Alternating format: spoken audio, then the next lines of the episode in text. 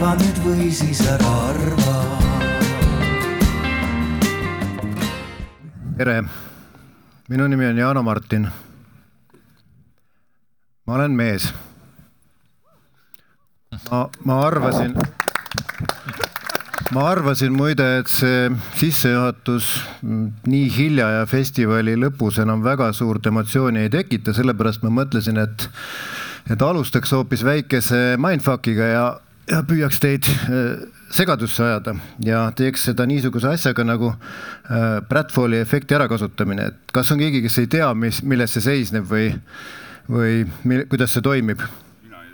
See skriptis küll ei olnud. ei, skriptis ei olnud seda. Ja ma pean võib-olla siis mõne sõnaga seletama, ehk see on niisugune efekt, millega inimene teeb ennast teistele äh, empaatiliselt nagu paremini arusaadavaks ja mõistetavaks, et te hakkate mulle kaasa tundma, uskuma, mida ma räägin ja võib-olla siis võtate kogu seda järgnevat juttu ka natukene noh, nii-öelda tõsisemalt või usute, et me teame, millest me räägime ja miks me seda siin räägime ja kui ma alustasin siin nagu AAA äh, või mingi muu sellise ringi äh, tervitusega, siis ma pean tunnistama, et mina olen tänase teema kõige otsesem sihtgrupp.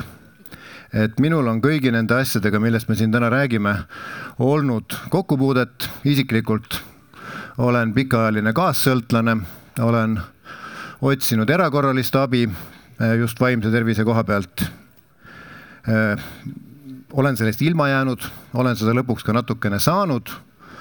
lõpuks läbinud ka mingisugused päris nagu põhjalikumad või korralikumad programmid ja tunnistatud enam-vähem terveks selleks korraks. Nii et nagu kõik need kogemused on endal olemas ja, ja võib-olla ma pigem peaksin ennast tagasi hoidma, et neid kõiki siin mitte panelistidele peale suruda ja jääma sõltumatuks moderaatoriks põhitööna töötan ma Postimehes, olen toimetaja, nii et minu ülesanne ongi teiste inimeste arvamused kokku koguda, süstematiseerida ja avaldataval kujul edasi anda. Ja püüan seda siin täna ka siis teha niimoodi, et ma oma isiklikku suhtumist väga palju peale ei suru. ja meeste vaimse tervise teema on selles mõttes noh, oluline ja, ja keeruline teema, et ütleks isegi, et see on üks nendest elevantidest nurgas, mis on kogu aeg meil olnud, aga millest ei räägita. Ja me tahaksime tänase vestluse lõpuks jõuda mõne konkreetse idee või, või tegevuse või mõtteni, mille ma loodan, et te aitate meil välja pakkuda, mida siis peaasi saab äh, järgmistes kampaaniates või järgmistes oma tegevuskavades ära kasutada peaasjast on siin täna juba nii, nii mitu korda juttu olnud, et ma seda eraldi üle reklaamima ei hakka, aga keda huvitab, see guugeldab või läheb kodulehele ja saab sealt ise teada.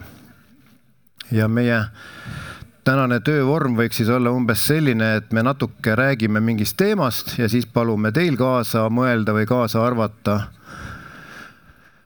kellel on mingisuguseid ideid või mõtteid, võib need ka kirja panna, teile jagatakse pärast siin selleks vastavad vahendid välja. aga alustaksime võib-olla sellest, et äh, tutvustaksime meie tänases paneelis äh, osalejaid ja igaüks vast ise, ise ütleb siis mõned sõnad enda kohta ja alustame palun siis Hannesest. Hannes Kuulbach, ole hea. tere õhtust äh,. olen kliiniline psühholoog ja psühhoterapeut, see on vist selles programmis ka kirjas ja ja eh, töötan erapraksises nii meeste kui naistega, ma siin ei hakkagi nagu väga vahet tegema, et kui palju ja kedagi ja mind väga huvitab, mis on inimese sees ja, ja meeles ja see on lõp, lõputult põnev. ja, ja peaasja poolt, peaasjalikult mind siia kutsuti ja, ja hea meel on olla meestega samas paneelis, et rääkida meestele meestega meestest nii, Kersten Kõrge, DJ ja vaimse tervise aktivist äh,. ma isegi ei teadnud, mis asja sinna lõpuks nagu on okei okay, nagu kirjutada.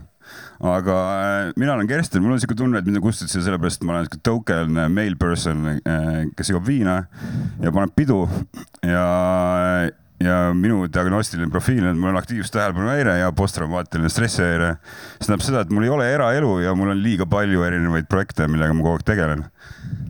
siis äh, praegusel ajal suurem osa on seotud erinevate vaimse tervise asjadega. Äh, ma ei teagi ma ei oska midagi rohkem. Väga hea, kui, kui pärast äh, kipud liiga palju lobisema, siis meil on helitehnik, kes, kellel. see on juba, et äh, ma raudselt segan kõigile vahele, kui ma räägin. Ja see on okei okay ja mul võib vahele segada, lihtsalt ma vabandan ette. See on okei okay ja see on lubatud ja publiku seast võib ka vahele segada, et selle ma ütlen kohe ära, et töövorm ei ole akadeemiline loeng, vaid pigem selline arutelu, nii et kui keegi tunneb, et miski asi kõnetab, siis tõusku püsti ja rääkigu teine asi, mis ma tahan presenteerida, et nagu selle teema nagu ilmestamiseks ja kohe nagu vesi peale tõmmata nagu Eesti perspektiivis on see, et ma olen kaasa võtnud siia äh, ühe nagu kõige debiilsema asja, mis ma olen leidnud Eesti kultuurist, see on äh, Tõe ja õiguse merchandise särk. Kuhu on siis peale kirjutatud äh, õpi kannatama, mis veits nagu ilmestab seda Eesti mehe bullshit'i tõenäoliselt me jõuame selleni veel mitu korda ja erinevate teemade juures, aga, aga paluks Viktor Saaremets, Päästeamet. tere, Viktor, nelikümmend neli, mees, raske lapsepõlv, rauast mänguasjad, alkoholism, mitte minul, ühel teisel mehel.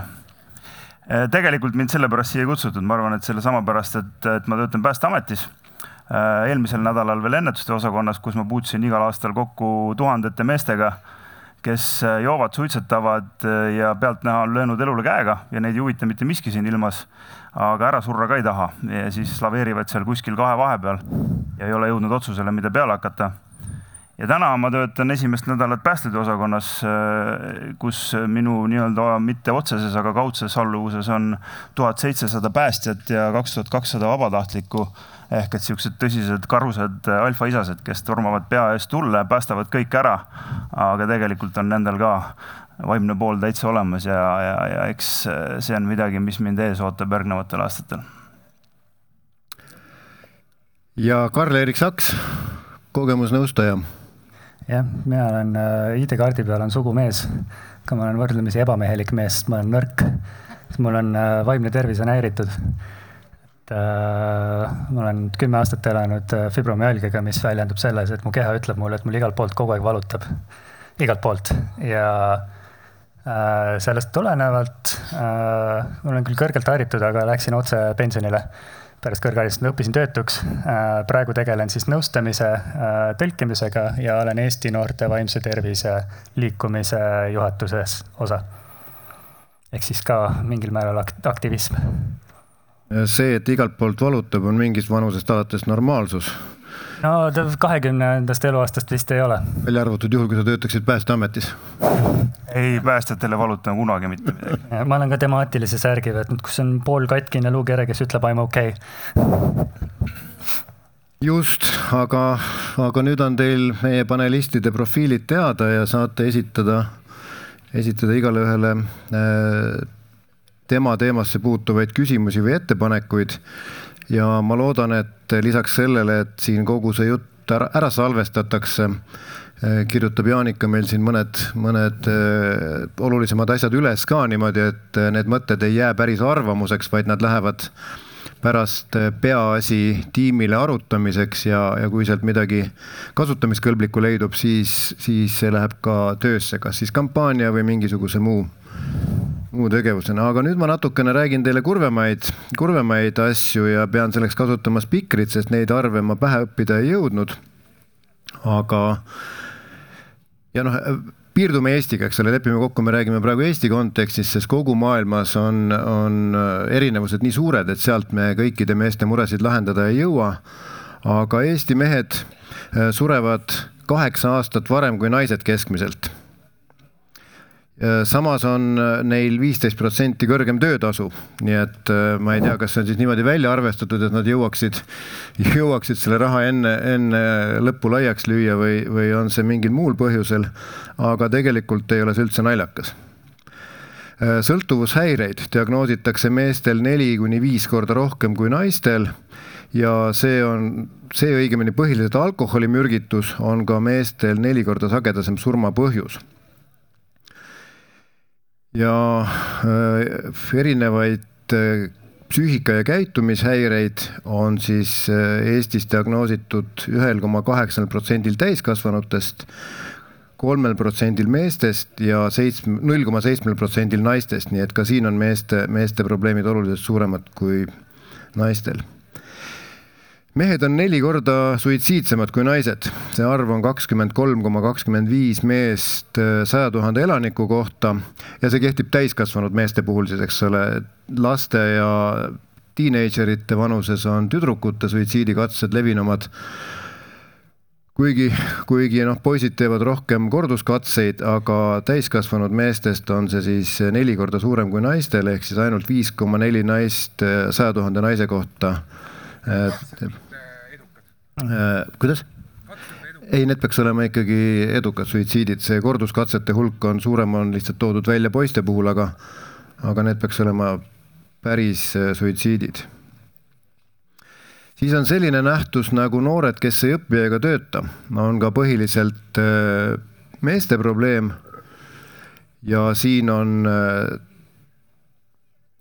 mehi, mehi kuus tuhat kakssada, äh, mul need sihtgrupid on natuke sassis, ma parem ei hakka neid täpseid arve ütlema aga mis mul on meelde jäänud, on see, et see hikikomori nähtus ehk siis see, kui inimene sulgub kuskile oma virtuaalsesse keskkonda, ei tule toast välja, tellib toidu koju ja suhtleb ühiskonnaga ainult arvuti kaudu, ei õpi ega tööta, et see on üheksakümne protsendi ulatuses meeste nähtus ehk niisugune sotsia-, sotsiaalne eneseisoleerimine on meeste probleem.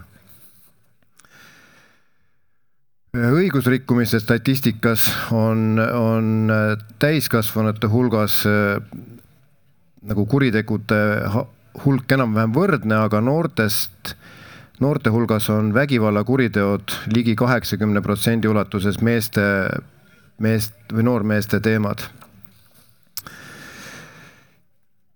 ja milleni ma jõuan nüüd viimasena, on siis eh, perevägivald, kus kirja pandud statistika järgi on kaheksakümmend viis protsenti selle toimepanijatest mehed ja ohvritest kaheksakümmend üks protsenti naised, aga siin on, on meie panelistid juba juhtinud tähelepanu, et see statistika on tõenäoliselt väga vigane. ehk siis, et eh, missugune mees julgeb tunnistada, et sai naise käest kolakat? pigem ikka on nii, et siis, kui, kui midagi juhtub, siis nagu võetakse see kuidagimoodi enda süüks või vaikitakse maha ehk üks järjekordne elevant toanurgas ja selle teemani me võib-olla hiljem, hiljem pisut ka jõuame, et miks mehed ei julge oma probleemidest rääkida, miks nad ei julge abi otsida või miks see abi otsimine ei ole, ei ole efektiivne. saan aru, et meie siin ees siis meestena esindame seda vägivalda ja, ja kõike seda. me oleme need, kes julgevad öelda, et said naise käest peksa kodus. jah yeah. Oh., ei või, või no me just peaks esindama mehi siis me peaks, kas, kas meil on siin see lõige nagu ka, kes? selleteemaline workshop toimub siis äh, tunni aja pärast äh, siin põõsas aga ma arvan, et meie esindajad pigem, pigem me püüaks siin äh, kutsuda kuulajaid üles rääkima ja osalema. ja nagu ma ütlesin, vägivallatsema jah, et pigem mitte, ütle, ütleme ikkagi, et kaasa mõtlema ja oma ideid välja pakkuma ja nagu ma ütlesin, siis me püüame teid ka võimalikult palju siin kutsuda osalema ja algne mõte oli, et me teeks rohkem igasuguseid virtuaalseid mänge, aga siis tehnika lubas meil teha ainult ühe. see on meil ka siin ekraani peal olemas. ja kellel on nüüd parasjagu see nutiseade käepärast, siis võiks, võiks selle välja võtta ja minna aadressile menti.com. see ei ole seotud Eesti korrakaitsega kuidagimoodi, see lihtsalt. mitu T-d seal on? Üks. Menti menti ühe T-ga ja .com ja seal peaks siis sisestama selle koodi, mis on seal kõige üleval servas, aga väga halvasti nähtav. et ma igaks juhuks loen selle teile aeglaselt ette ka. aga kuna kogemus näitab, et inimestel läheb, läheb aega, et oma tavapärastest rakendustest välja jõuda, siis ma ütlen veel kord selle, selle aadressi, see on menti, ühekordsed tugevad tähed, lõpus on i, mitte y ega midagi muud keerulist, punkt kom ja sealt avaneb teile üks küsimus. Ja see küsimus on siis kood, õigus, neli, üks, neli, üheksa, seitse, neli, kolm, viis. ma võin seda veel kord pärast öelda, ma hakkasin rääkima küsimusest, ehk siis küsimus on kas müüt või tegelikkus. ja me küsime, et mis teie arvate, kas vastab tõele väide, et vaimse tervise teemad puudutavad rohkem mehi. ja siis kood veel kord, kes ei näinud või ei jõudnud üles kirjutada, on neli, üks, neli, üheksa, seitse, neli, kolm, viis. Nii, ja meil on hakanud juba tulema vastused. üsna võrdselt praegu. viiskümmend kaks protsenti ütlevad, et müüt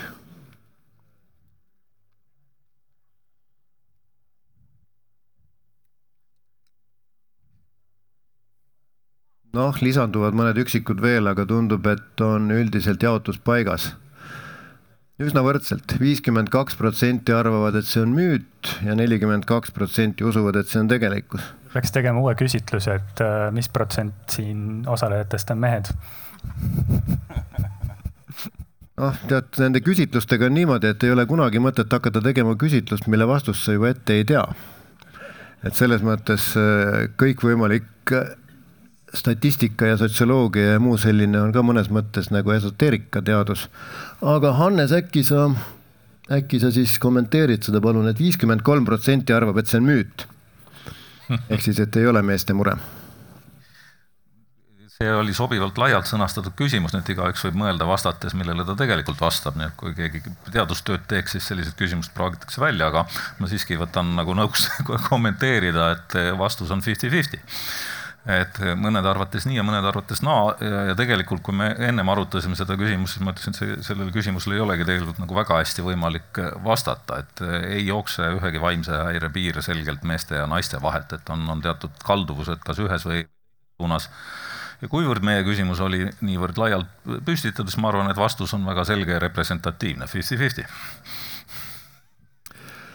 just, ehk siis kui esitad rumala küsimuse, saad rumala vastuse. täpselt nii aga mida ülejäänud panelistid siin praegu arvavad selle kohta, et kui meil on ah,, seal on üks, kas on küsimus seal või, soovite mikrofoni või?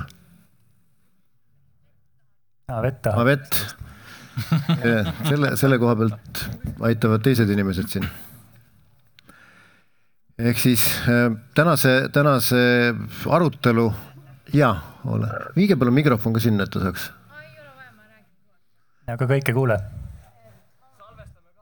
salvestus ei, salvestus ei kuule üle, üle platsi. ma tahaks öelda, et mina arvan, et, et vaimsed probleemid on tõsisemad meeste hulgas ja noormeeste hulgas tugevamad sellepärast, et meil on sihuke iganenud arusaam, võib-olla enam mitte nii palju, aga varem kindlasti oli see, et mehed ei nuta et äh, nagu lastele õpetatakse algusest peale seda, et, et, et poisid peavad olema tugevad ja, ja nii edasi ja nii edasi, aga tegelikult see tingib selle, et mehed on täiskasvanuna nõrgemad, sest neil ei lubata oma tundeid väljendada nii, nagu oleks vaja. aitäh, väga hea arvamus, tegelikult ma usun, et me selle teemani veel jõuame ka, et see on meil siin ettevalmistavatest teemadest läbi jooksnud, aga soovib keegi veel kommenteerida?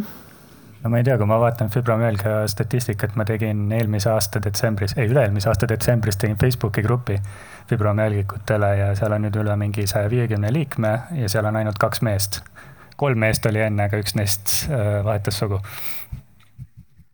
see on päris, päris huvitav koosseis, mina kunagi läksin sellepärast raamatupidamist õppima, et seal on kursusel ainult tüdrukud aga, aga noh, ütleme niimoodi, et, et on ikkagi primaarselt naiste häda, nii et ma olen selline nii-öelda anomaalia. selles mõttes on ju ka äh, mingid häired, mille diagnostika on ajalooliselt meeste suhtes kaldu, näiteks sama aktiivsus tähelepanujärje on mm. olnud nagu ajalooliselt poisslaste häire. ja aladiagnoositud naiste puhul ja, või nagu ka posttraumaatilise stressihäire, võib-olla see on seotud sõjaväega, äh, on äh, tugevalt meeste suhtes kaldu aga kui me vaatame näiteks mingit migreenistatistikat nagu tugevat peavalud, siis öeldakse, et ütleme, see mõjutab või noh, mõjutab äh, rohkem naisi kui mehi, aga arvatakse, et mehed lihtsalt ei lähe selle probleemiga arsti juurde. jah, kahjuks nii on, aga meie esimene küsimus või, või teemapüstitus ongi see, et miks mehed ei saa abi või miks nad abi ei otsi. ehk siis pigem nagu küsimus niipidi, et kui sa ei otsi, siis sa tõenäoliselt ei saa ka abi ehk siis miks mehed ei otsi abi ja millest see võib olla põhjustatud ja kuidas siis need abistruktuurid on meil valmis äh, nende teemadega tegelema ja siin me jõudsime mitme, mitme järelduseni, et äh, kõigepealt on, on erinev üldse see, kuidas mehed oma tervisest räägivad. et kui küsida Eesti mehe käest, et noh, kuidas tervis on, mis, mis on tüüpiline vastus? Normaalne. normaalne, enam-vähem.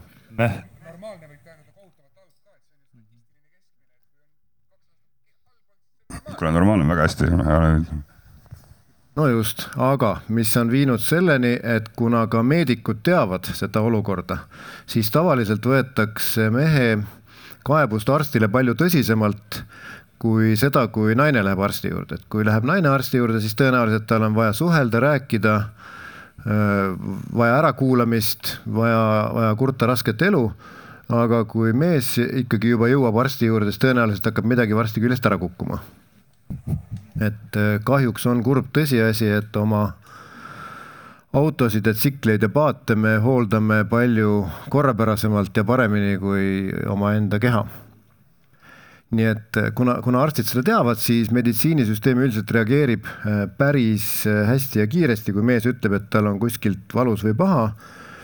ja see kehtib ka vaimse tervise puhul, kuigi noh, ma nüüd ei julge öelda, kuidas see kättesaadavus on, et minu enda kogemus on, et see võib olla mõnikord väga raske, äkki siin Hannes oskab täpsustada või kommenteerida, aga aga üldiselt ikkagi võtab ka äh, psühhiaater üsna tõsiselt, kui mees tuleb ja ütleb, et et varsti on vaja nöör kaela panna päris irriteeriv küsimus, et, et ma, ma arvan, et noh, naljaga pooleks, aga tegelikult kurbusega pooleks paljud mehed ennem panevad selle paela kaela ja, ja, ja nii-öelda tõhusalt ja tulemusrikkalt, mis kajastub ka nende suitsiidide statistikas. et, et abi minna üldse otsima ja, ja küsima nõuab teatud noh, mingisugusest lävendist või, või, või, või, või tavapärasest nagu noh, üleastumist ja, ja eneseületamist ja e, väga oluline on, on siis noh, kas sa üldse saad kuhugi lähemate kuude jooksul, eks ole, et, et e, siis võib nagu see suur soov ka üle minna. E, ja teine on see, et, et kelle juurde või kuhu sa üldse nagu, nagu satud, eks ole. ja, ja tihtipeale ei ole mees see, kes hakkab rääkima paljusõnaliselt, kirjeldama kõike ja nii edasi, vaid temast tuleb see nagu tasapisi nagu välja meelitada ka aga jälle paraku noh, järjekorrad on ühepikkused nii, nii naistele kui meestele jah, et meie riik siin on juba teistes vestlustes läbi käinud, on ikkagist nende tulemustega tegelemise poole ikkagist täna kaldu igasuguses abis, mitte ainult vaimses tervises, et me kui esimesena jõutakse psühhiaatri juurde, siis selle taga on reeglina vähemalt kaks aastat juba väga halvasti Viktor, sa rääkisid, et sa kohtud või kohtad oma töös tihti neid eh, nii-öelda kurbi eh, lõpptagajärgi siis juba meeste puhul, et äkki sa pisut valgustad seda poolt või, või räägid, mis sa, mis sa oled nagu sellest õppinud? Jah, seal võib vaadata kahest suunast, et üks on see, kus äh, õnnetusjuhtumi tagajärjel, tagajärjel on siis inimene hukkunud, aga selle õnnetusi on ka viinud ikkagi see, et äh, mingist hetkest on äh, kogu ümbritsevale löödud käega, et see, mis sinu ümber toimub ja kas see on ohutu või turvaline või et kas sinu elutegevus on võimalik põhjustaja näiteks mõnele tule- või veeõnnetusele, sellele nagu tähelepanu ei pöörata ja siis ühel hetkel on tulemus käes. noh, tule- ja veesurmad, ma arvan, et ei ole kellelegi täna Eestis enam uudised, selles inimesed hukkuvad ja peamine põhjus on see, et äh, hooletult käidi millegagi ümber, aga kui me oleme nende inimeste sisse või pähe või hinge üritanud tungida, kes on siis ellu jäänud ja kes, kellega me oleme saanud ka rääkida, siis on selge, et tegelikult algab see asi kuskilt äh, lapsepõlve traumast, vanemate kaotusest, vanemate mingisugusest käitumisest, äh, millestki veel neljandast. Mm, väga tihti ka sellest, et need inimesed on jäänud üksi. Nende ainukene psühholoog on teine mees ja kaks pudelit õlut ja aeg-ajalt ka pakk makarone, aga seda väga tihti mitte, sest see ei ole üldse primaarne kõige selle juures. ja, ja siis nad seal ravivad üksteist, kuni siis ühel hetkel jõutakse ka ühisele arusaamisele, et ravi ei ole. ja teine teema võib-olla on, on, on nooremate seas võib-olla märka mär,, märgata viimastel aastatel on see selline suitsiidne ja, ja riskikäitumine, mis on läinud nagu äh, mõnes mõttes nagu pööraseks, et, et seal ei panna enam ainult ennast ohtu, vaid äh, uputama minnakse ennast koos perega, et võetakse ka lapsed kaenlasse ja, ja minnakse, et noh. ma ei tea, mina ei ole küll äh, peaarst ega psühholoog, aga selleks, et äh, inimene võtaks kaks, kahe ja kolmeaastast lapst kaenlasse ja läheks ennast koos nendega uputama, peab midagi ikka peas väga valesti olema. et see on see, mida me näeme igapäevaselt. Et meie statistika on küll kenasti ära lihvitud, et äh, meil tulekahjus hukkubki võib-olla kolmkümmend üheksa inimest aastas, mis on nagu väike, sealt okei okay,, üheksakümmend protsenti on mehed. Aga äh, hinnanguliselt sihuke seitse tuhat on kogu aeg ukse taga järjekorras. Et kas sa ütled nagu, et see riskikäitumine on siis ka juba mingisuguse häire tagajärg, et äh, ei ei panda päästevesti, ei minda kaine peaga? no terve mõistusega inimene võtab ju sind kuulda, kui sa ütled talle, et vot see, kui sa nüüd pea ees selle koha peal vette hüppad, et lõpeb fataalselt. või et kui sa nüüd näiteks seda toas voodis magades suitsetamist ei lõpeta, eks ole noh, hea näide ka sellest võib-olla, kus on terve mõistusega inimene, on ju, et äh, mees circa sihuke kuuskümmend viis pluss, on ju, käisime kodunõustamist tegemas, astusime ukse sisse, vaatame, et tuva ja kodu on no, nagu suitsusaun, eks ole, kõik seinad nõgised, äh, laed kollased ja nii edasi ja nii edasi, on ju.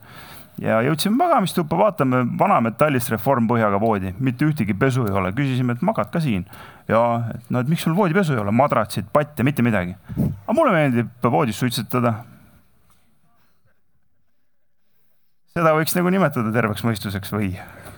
nojah, ütleme, et ole, oleks naljakas, kui ei oleks nii kurb. aga, aga teistpidi on jah, et äh, mees viiskümmend viis, äh, joob ära pudeli viina, istub diivani peale, paneb suitsu ette, jääb magama, tuleb tuletõrje, toob mehe välja, kustutab tulekahju ära, mees võtab põues jalad alla, pärast turgutamist paneb suitsu ette, läheb diivani peale, võtab teise pudeli viina ja jätkab sealt, kust pooleli jäi aga jah, nende meestega edasi tegeledes saad sa aru, et, et see ei ole sellepärast, et talle meeldib hirmsasti viina juua, vaid et kuskilt on midagi läinud elus valesti.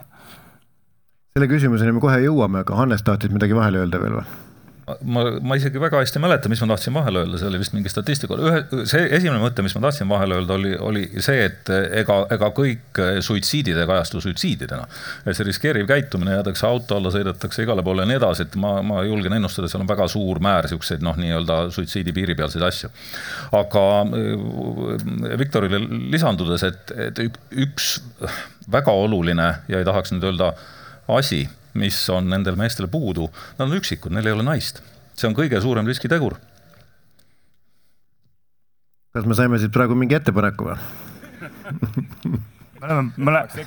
peaasjaga osa kontor. Äh, me oleme seda proovinud, kui päris aus olla ja see lõppes sellega, et, äh, et, et see proua läks ühel hetkel mehele kepiga kallale jõuame koduvägivalla juurde. Äh, selleni me jõuame nagunii. see on ka see teema, mis praegu on eetris internetis, et on uus ebavõrdsus on väga popp sõna igal pool ja kontsept, kuidas kontseptualiseerida igalt poolt ebavõrdsust, et see on, et nüüd meil on nagu ebavõrdsus äh, sotsiaalsetes oskutes, millega peab tegema, et meeste sotsiaalsed oskused on nii madalad, et nad ei, ei saa enam elada ja seda on vaja nüüd tasandama hakata, et meestel on vaja sotsiaalsed oskused, aga Otil on.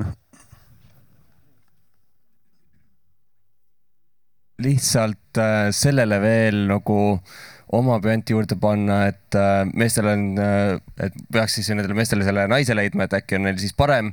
Äh, meie sellised mõned uuringud siin, millest järgmine Eesti inimarengu aruanne ka nagu mida katab, tuleb välja, et Eesti naised on eluga rohkem rahul siis, kui nende naine või kui nende mees lõpuks nende kõrvalt on ära kadunud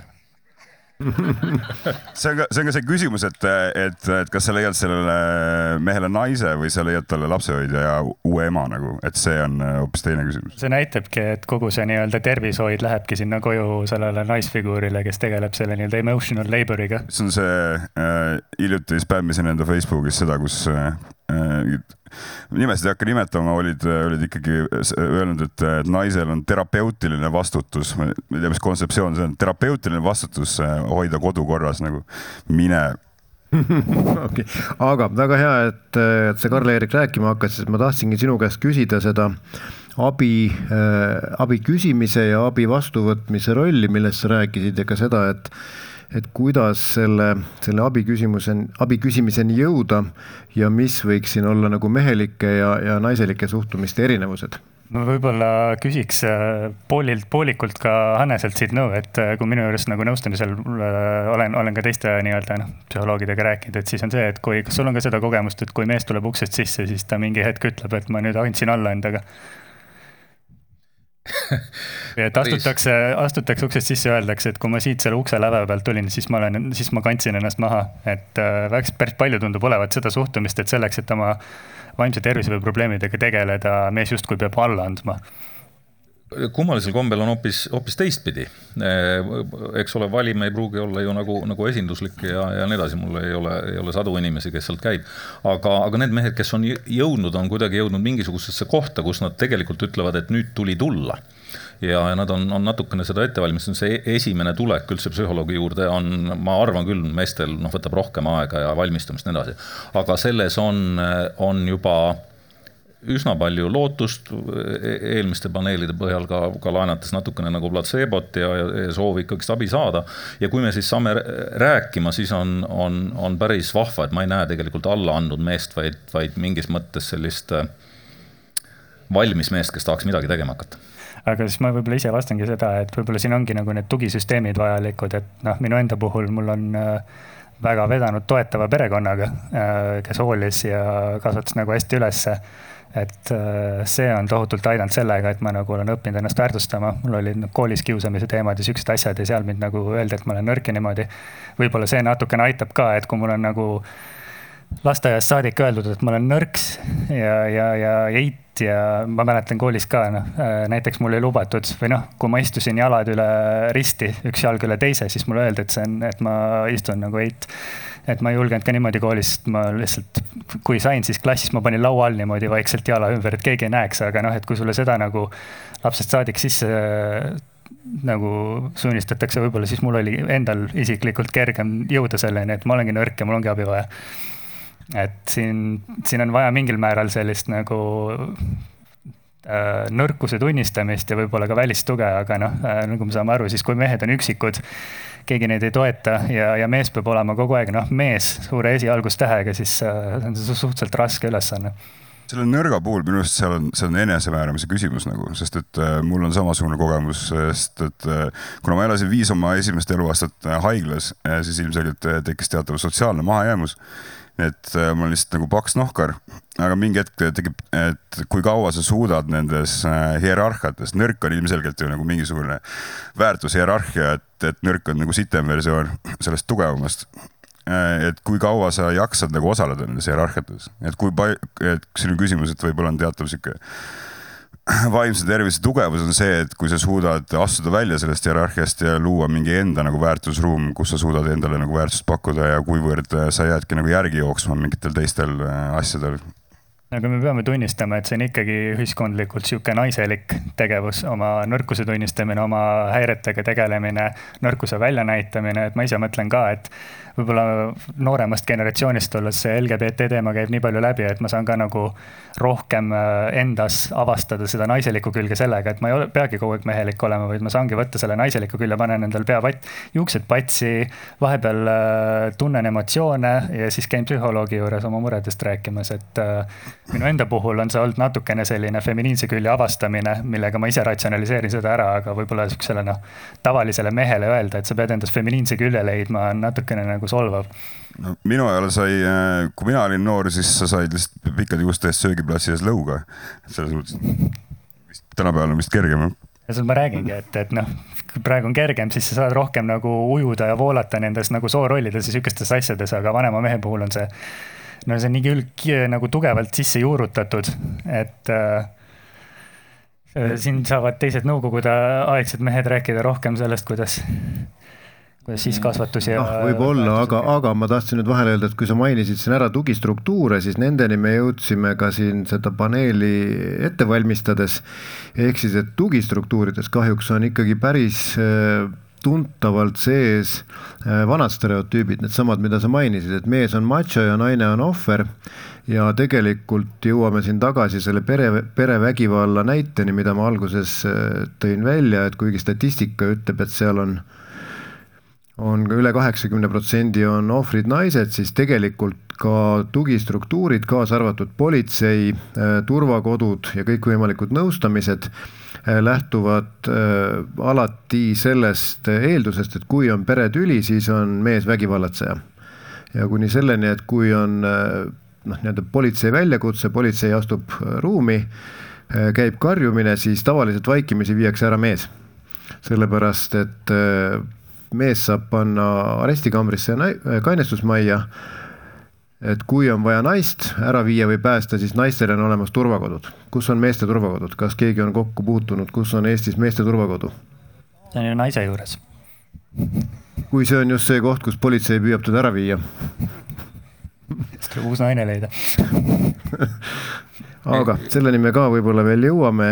ma ühe märkuse võib-olla, et, et noh, vägivald on siis väga nähtav, kui verd jookseb või silm on sinine ja nii edasi, see on noh, meeste pärusmaa olla füüsiliselt agressiivne, aga agressiivsusel on ju väga väga mitmeid väljendusviise ja, ja see, see on üks selline nali, mis natukene noh, ma püüan nüüd Viktori suunas seda nalja teha, aga, aga väidetavalt Eesti mehed surevad kõige rohkem vingusurma et on olemas eh, te teisi viise, kuidas kogu aeg närida, vinguda, teha elu põrguks ja nii edasi ja noh, loomulikult siis on sõber ja õlu ja, ja, ja kõik need stereotüübid ka. aga vägivallal on väga erinevaid eh, väljendusviise ja need kõik ei ole sugugi nähtavad ja ma ei, ei, ei, ei jagaks siin nagu väga puhtalt, mehed teevad nii, naised teevad nii. meestel on kalduvus agressiivsusele, see on meile antud kaasa hormoonidega. ühe teise poole ma lisan siia juurde ja. küll, et Eesti mees upub vaikides appi ei kutsu? no ütleme, et siin ma julgen sulle merepäästjana vastata, et äh, kõik upuvad vaikides, et see on äh, filmitrikk, et appi, appi, appi, ma upun, et see on filmitrikk, et tegelikult sel hetkel, kui sul vesi juba üle nina käib, et siis sa ei räägi enam midagi, aga see oli nüüd kõrvalepõige, et et väide, väide oli see, et äh, tegelikult meie tugistruktuurid on, on jätkuvalt äh, nagu sa ütlesid, vanade nõukogude poolsete stereotüüpide poole kaldu mis tähendab, et ega tegelikult äh, kui nüüd mees kuskile läheb ja ütleb, et teate, mul tõesti on probleemid või mul on nüüd raskusi või, või konflikte, siis naiste jaoks on olemas rohkem igasuguseid turva, turvakodusid ja muid lahendusi. see ei ole nagu see Nõukogude teema, okei okay,, jah, ma kukkusin kõhu katki lapsena ja sain ka peksa selle eest, et ma karjusin, onju. mis siis, et soolikad otsast paitsid, eks. aga, aga ma arvan, et see on ikkagi nagu laiem teema, et me siin esmaspäeval arutasime, siis ma ütlesin ka, et, et tegelikult, kui me nagu ajas tagasi mõtleme Äh, aega, mida me keegi ei mäleta, eks ole, kus inimesed elasid veel koopas, siis olukord oli ju lihtne, onju, mees seisis nuiaga koopa suul ja naine keetis süüa lõkke peal, eks ole. mees valvas, noh, ta oli kogu aeg valvel, et midagi juhtuks, keegi tuleb, annan kaikaga. ja see ei ole muutunud ju, kui täna vaadata mingeid Marveli superkangelase filmi, siis mehed on alati kaikaga. naised räägivad kõik pikali, eks ole, et aga mees on rusikaga alati. ehk et see stereotüüp ongi juba sellisena loodud, sa ei tohigi näidata välja, et sa oled äh, inimene, sul on tunded mm. -hmm noh, see vaidlus läheb nüüd praegusest teemast väga kaugele, et väidetavalt geneetilise koodi muutmiseks on vaja rohkem kui siin ühte, ühte laulvat või hipirevolutsiooni, et see võiks nagu rohkem selline saja tuhande aasta teema olla. ma arvan, meesterahval on vaja peeglit ja vaadata sinna sügavalt silma sisse iseendale ja öelda, et kuule, tegelikult on okei okay vahest nagu pisar poetada või, või tunnistada, et mul on ka raske aga küsime, küsime nüüd publikult, et eh, kuidas saada mehed abi otsima, et kas seal oli kommentaar või juba ettepanek või? ja paluks mikrofon seal. ja kas me jagame varsti välja ka need paberid ja pliiatsid, palun, et kus, kuhu saab siis nagu kirjutada kirjalikult, kes ei, kes ei soovi sõna võtta ja ole hea. tasuks äkki ümber defineerida tugevuse definitsioon ehk siis, et äh, tugevam on see, kes lõpuks nagu elus on. jah, me natukene jõuame sellele vist lõpus ka, sest see sõnade, sõnavägi. aga jõuame kohe. on see kavas meil või? minu arust me võime kohe jõuda, jah ma omalt poolt pakuksin välja sellise potentsiaalse soovituse või lahenduse, et mudeldamine on üks suurepärane viis, kuidas inimeste hoiakuid ja käitumisi muuta. ma nii väga tahaks näha Eesti ja ütleme, globaalses avalikus ruumis veel rohkem neid mehi, kes nendest muredest räägivad, oma abi otsimise protsessist räägivad, oma valust ja tunnetest ja ma ei teagi, parakatest räägivad.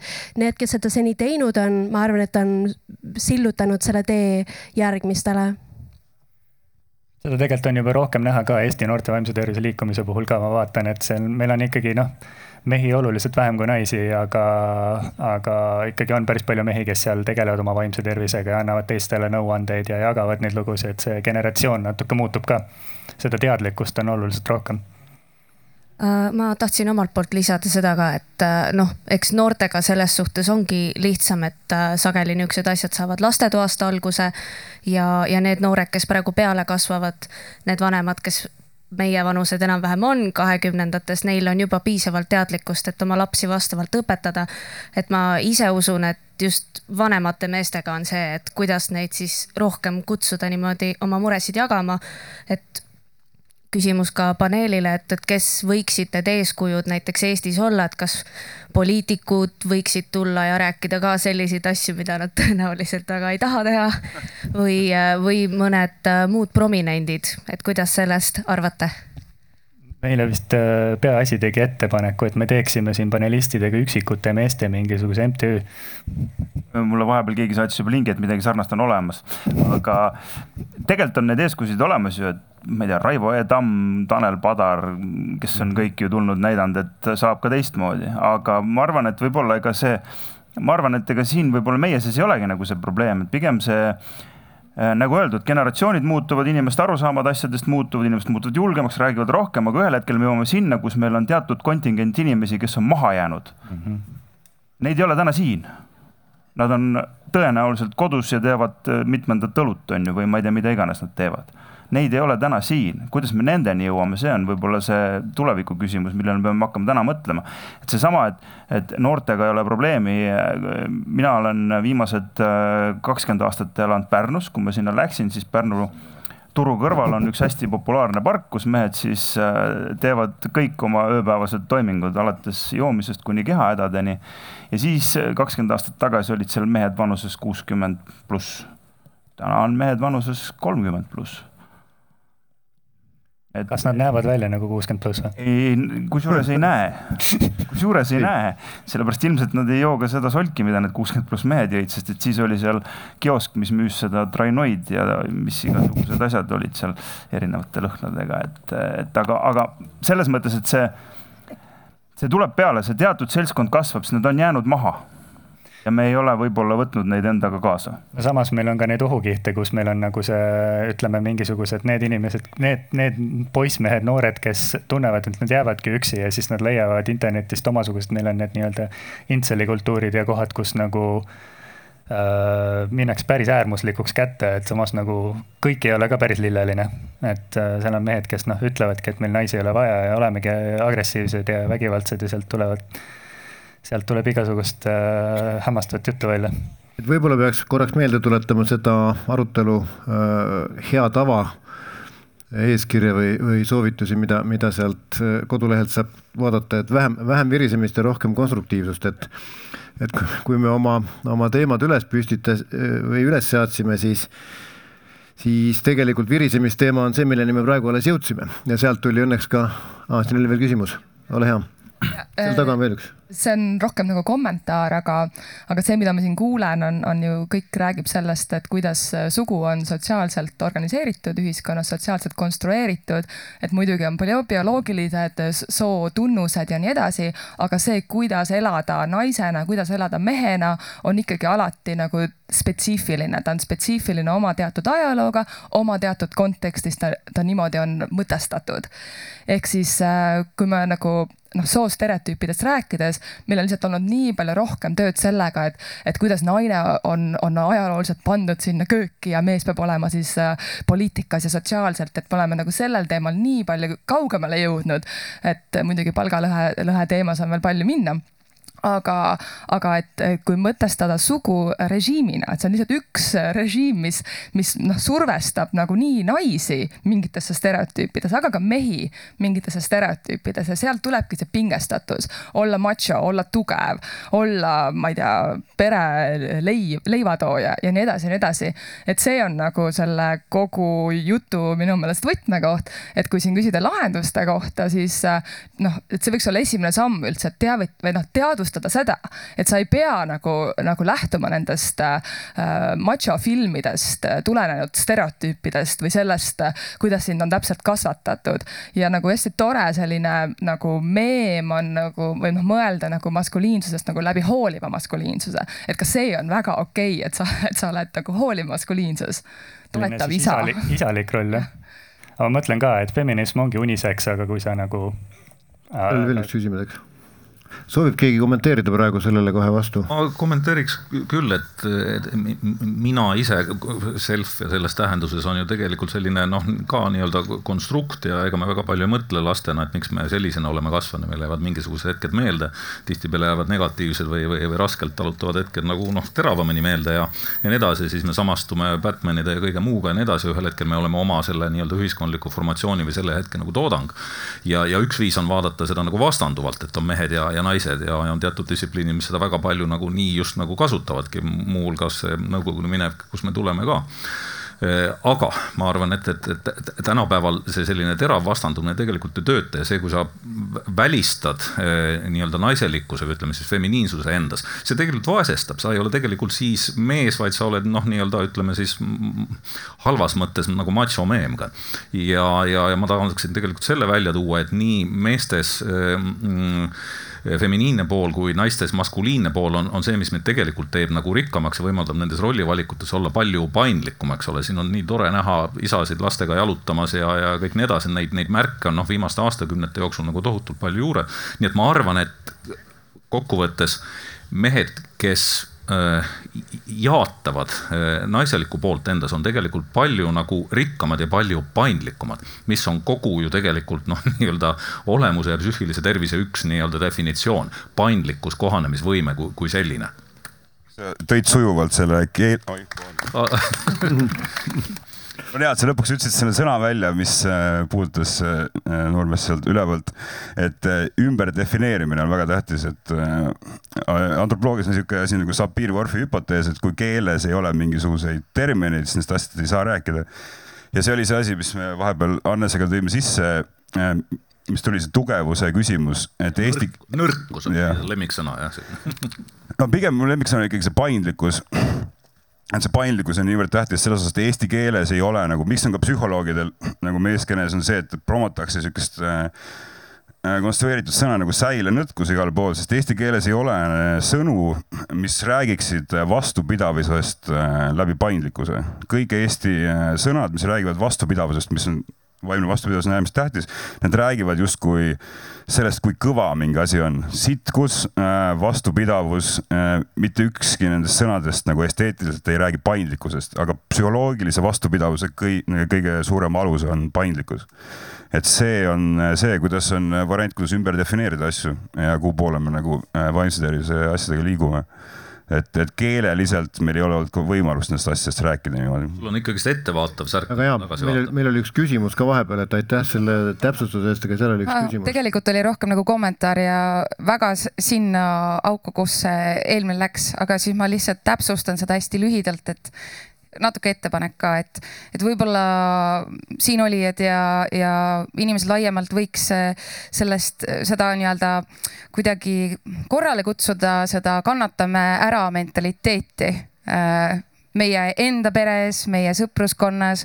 et kui keegi hakkab seda kannatame ära juttu ajama, et siis suhtud samamoodi sellesse, nagu keegi ütleb sulle, et planeet Maa on lapik.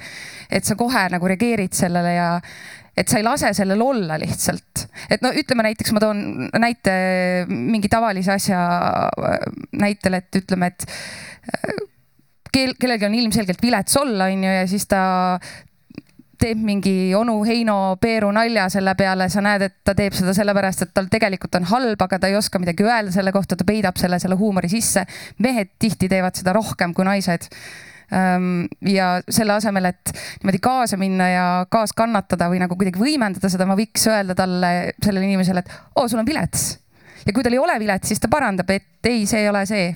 aga et võib-olla peaks nagu kuidagi ise võimendama seda, korrale kutsuma, ei mingit kannatame ärat minu lemmikmetafoor minu skeenes on, et eh, kui inimesed eh, suruvad alla oma negatiivseid tundeid ja ei taha nutta ja siukest asja teha, siis ma olen alati öelnud, et nutmine on taustal narkootikumid, mida su keha toodab sulle ise kõikidel, jutt muutub absoluutselt kohe. väga hea. aga mul on rõõm, rõõm tõdeda, et täiesti sujuvalt on arutelu iseenesest läinud seda rada, mida me prognoosisime, me oleme jõudnud järgmise teemani ja see järgmine teema juba kestab mõnda aega, ilma et ma oleks pidanud seda välja välja kuulutama.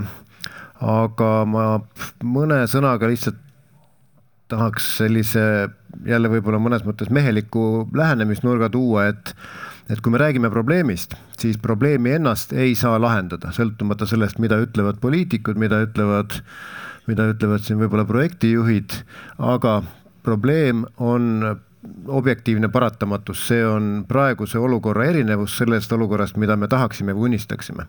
mida me saaksime teha, on muuta neid tegureid või põhjuseid, mis on viinud selleni, et praegune olukord ei ole see, Eh, millega me rahul oleksime ja kui me tahame üldse mingisugust muudatust saavutada, siis võiksime neid eh, põhjuseid natukene proovida sõnastada ja see oli meie järgmine teema, milleni me juba ka jõudsime, et, et ühest küljest on see eh, defineerimise ja, ja nii-öelda kõvatamise ja naiseliku lähenemise erinevus teisest küljest ka poiste kasvatamine üldse nii koolis kui kui muudes kohtades, kus kujundatakse inimeste väärtushinnanguid. Nii et kuni me ei suuda nendes äh, kohtades, kus kohas tegelikult need äh, nii-öelda uued stereotüübid peaksid tekkima, kuni me ei suuda nendes kohtades mõju avaldada, seni me jäämegi siia rääkima. nii et, et kui me nüüd mõne sõnaga veel jõuame puudutada neid kohti, kus kohas siis äh, kuskohast need eh, nagu eksitavad käitumismustrid või, või väärtushinnangud pärinevad, siis me saaksime hakata otsima ka lahendusi, et mismoodi seda muuta. Ja siin oli juba juttu lastetoast, haridussüsteemist. kus siis veel tulevad need mehed, keda me praegu parandama peame? eks mingil määral tänavast ka. veel? internetist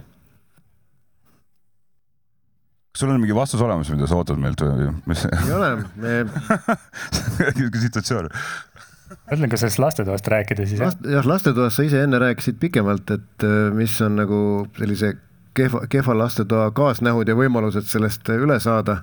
ja jõuaks sealt kuidagi selleni, et mismoodi siis edaspidi tagada poisslastele normaalne lastetuba poiss, poistele tuleb ka õpetada hoolivust, see on see, mida ma ise võib-olla enda kodust nägin, et just seda nagu hoolivust ja teistest arvestamist, sest võib-olla see vanem kasvatusmeetod oligi see, et poisile sa ütled, et sa pead olema kõva mees ja niimoodi, aga siis tal nagu see emotsionaalne intelligentsus ei kasva võib-olla nii hästi välja, et poisid on tihtipeale rohkem siuksed poiss, jäävadki sihukesteks poisikesteks.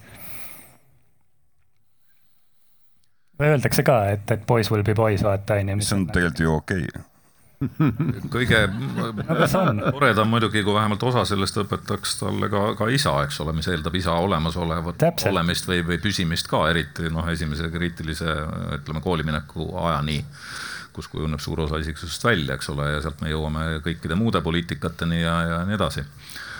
Äh, jah. see eeldab ka seda, et see isa on nagu okei okay tüüp.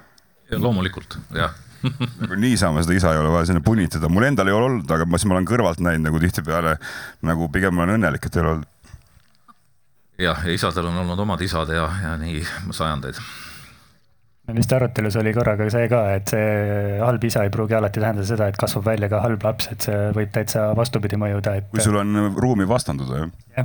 selleks on vaja ressurssi, mingit teist tuge või midagi, kuhu ümber orienteeruda enda väärtussüsteemi jah, see eeldab jah seda, et sul on see nii-öelda vanemliku rolli, rollimudeli, rollimudel kuskilt võtta. no tihtipeale lihtsalt juhtub see, et sa hakkad ise nagu iseenda vanemaks, sel juhul nagu minuga juhtus. seal on ka omad mingid toksilised momendid. nii, aga kool, haridussüsteem, ühiskond, kuidas meil praegu see, see kõik äh, mõjutab meeste kujunemist? missugused mehed saavad nendest, kes on täna kolmandas klassis?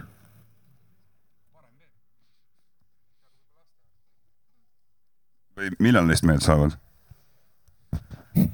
see piir lükkub kogu aeg edasi hea point, sellest on olnud ka juttu, aga, aga tõenäoliselt äh, jah, tänapäeval hiljem, pigem hiljem kui varem. tagareas on kindlasti üks õpetaja ei, lihtsalt no, teema on selline, et me oleme vait ja küsitakse, et kolmandast klassist, mis poiss tuleb, ega me ei tea ju. kus meil mikrofon on?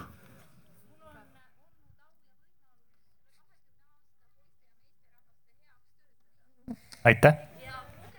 Eh, baasil ma julgen öelda seda, et ma ei tea, mis imeasja, see nüüd on klišee ja kõik seda on räägitud, aga kuidas saada rohkem mehi kooli, number üks. Ja number kaks, kuidas kiiresti tulla poistele appi, sest nad tavaliselt jäävad õppimisega hätta, kümne kuni kaheteistaastased ja siis nad kukuvadki ära noh, sellisele tasemele, et ma näiteks noorsootöötajana käin neid mööda linna otsimas, et kuidas poistele appi tulla? Ja see, see isa mudel kui ma mõtlen isegi nende poiste peale, kes on Viru vanglast läbi käinud ja ikkagi neist on toredad mehed saanud, siis ikka isegi see pole teema, kuidas nüüd selle bioloogilise isaga on. aga kui elu on andnud õnne või on keegi eeskuju, olgu see treener või tore naabrimees, mm, siis äh, õnneks paljud mehed, äh, neist saavad täiesti igavad, keskmised, toredad mehed, abikaasad. ja ma tavaliselt ütlengi nii, et rahunege maha, et mõni käib ka kaks korda Viru vanglas, küll aasta ja siis kolm aastat ja siis on ta neljakümne aastane ja ta on täiesti noh, jah ja, ja see, et kuidas äh, saada näiteks kogemusnõustajaid ja rohkem mehi ja naised, andke andeks et ähm, ma nädalavahetusel olin ühes naistelaagris ja mul hakkas ka seal nagu väga halb, et mida mehed teevad ja mida ei tee ja mida võiks kõike rohkem. ja siis mina ütlesin ühe lause, sest ma ikka nädalas paar korda kuulen seda, et Karin, mul on kõik ja seda üldiselt ütlevad mehed ja mehed hakkavad ju siis rääkima või poisid, kui neil on nagu väga-väga halb. ja ma olen, ma ütlesin nendele naistele, kas te olete mõelnud nii, et äh, see on nüüd ka klišee ja liiga mustvalge, aga minu kogemus, et ka poiste ja tüdrukute põhierinevus on see, et tüdrukud väljast on äh, nõrgad, sitsid-satsid, aga tegelikult seest on nii, et nagu kassil äh, seitse elu. ja minu arvates poistega on vastupidi, et nad võivad olla peal näha, nii vastikult käituvad, selline tunne, et tahaks kägistada, aga nad on seest tundeliselt ja õrnad. ja, ja kui nad lähevad seda noh teed pidi, et ma olen ka Pärnust, et ta on kaheteistaastane ja ta veres on neli erinevat uimastet ainet, siis ma küsin ka alati, et mida ma saan teha teisiti, mida sa, mida ma saan teha paremini, kust võtta need mehed, kes tuleks sotsiaalharidusmaastikule. aitäh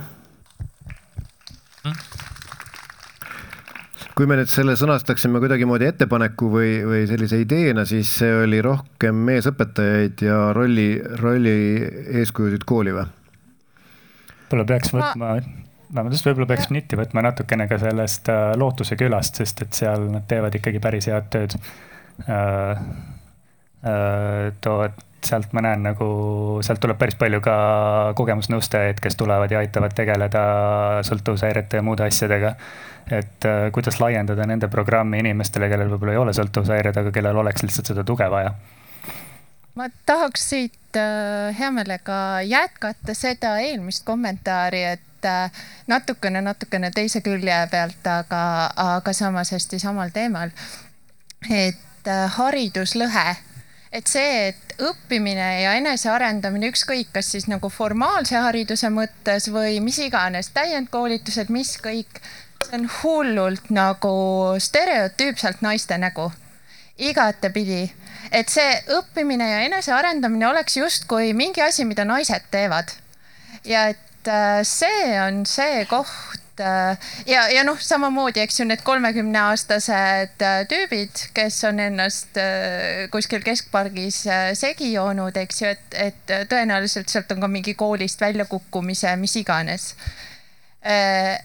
et et, äh, et, et samamoodi see, et rohkem mehi kooli, eks ju, äh, selleks, et õppimine ükskõik mis tasandil läheks rohkem nagu ka meeste nägu, et õppimine ja enesearendamine, ühesõnaga kõige laiemas mõttes õppimine ja ka kitsas mõttes.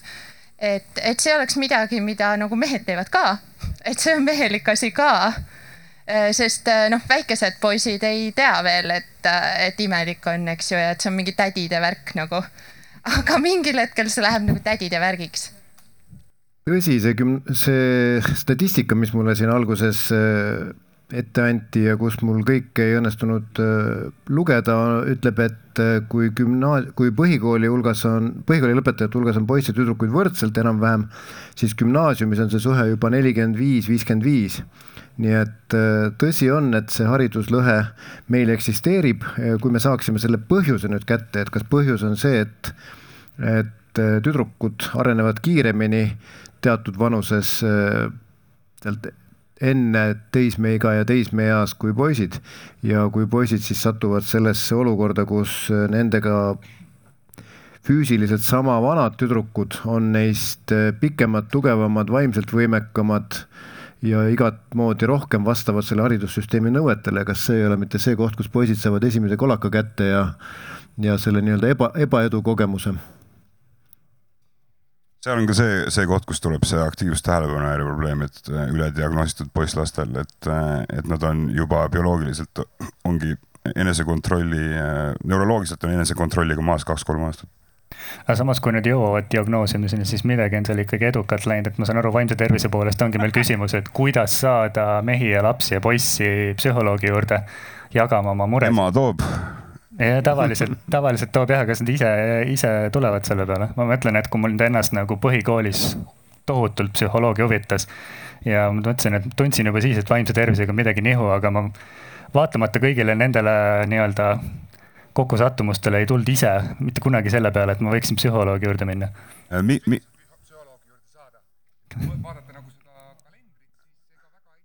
no selles suhtes meil on praegu vaimse tervise kriis, et võib-olla praegu ei ole kõige nagu esinduslikum koht, kus rääkida.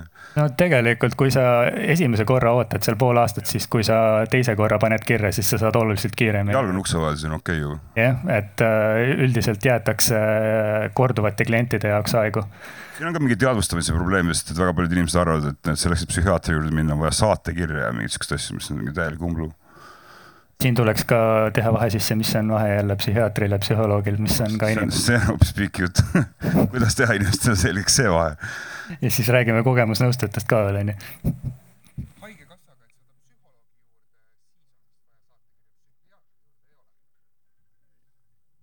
psühholoogi juurde võiks maksta psühholoogidele. kommenteerida siin. meil, meil on olemas üks psühholoog siin jutt läheks pikale ja oleks kurb, aga, aga on, on, on, on jah raske, me tegeleme jätkuvalt tagajärgedega, ega kogu sõjad ja Covidi kriisid ja nii edasi lükkavad seda lumepalli lihtsalt nagu, nagu edasi, et, et psühholoogid ei, ei, ei kasva kuskil põllu peal, kuhu me nad täna istutame, kahe aasta pärast võtame, et selleks, et, et, et jõuda tõelise abiandjani, kulub kaheksa kuni kümme aastat ja, ja see on, on meie riigi jätkuvalt tegemata töö. sellega ma oma kurva tiraadi lõpetan mul oli seda anekdootlik näide selle teemast, millest me tegelikult rääkisime alguses, sest et kui me hakkame praegu sellest Eesti vaimse tervise süsteemi probleemidest üleüldiselt rääkima, siis me nagu oleme homseni siin äh, et, et see puistlaste värk, et kui mind veeti esimest korda psühholoogi juurde, äh, siis ma veetsin seal paar tundi ja läksin ära ja ema pärast kodus ütles, et no ta ütles, et äh, selle poisiga tuleb lihtsalt kannatlik olla.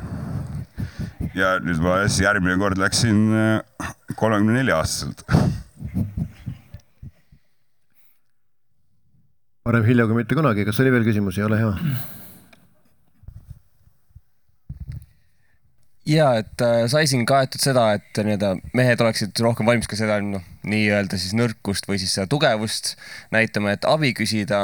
aga alati on ka see küsimus, et kellelt seda abi küsida, meil on see oma sotsiaalne võrgustik on hästi oluline ja et noh, et kuidas, meil on väga see erinev, et äh, kuidas mehed seda sotsiaalset võrgustikku üldse hoiavad Äh, USA äh, selliste uuringute näitel, et äh, USA-s, kui mees ja naine kusagil seal keskeas või hiljem lahutavad, siis kaasavarrana saab naine kaasa kõik kogu sõpruskonna. sest mingi hetk mehed annavad selle sotsiaalsete suhete hoidmise, põhimõtteliselt delegeerivad kõik abikaasale ära. ja siis, kui toimub lahutus, et aa, aga mul ei olegi ju kedagi kõik olid naise sõbrad või kõik olid sealtpoolt, et kuidas me sellesse olukorda oleme jõudnud ja kuidas, kuidas me sealt lahendust, kus me loome selle enda sellise sotsiaalse võrgustiku?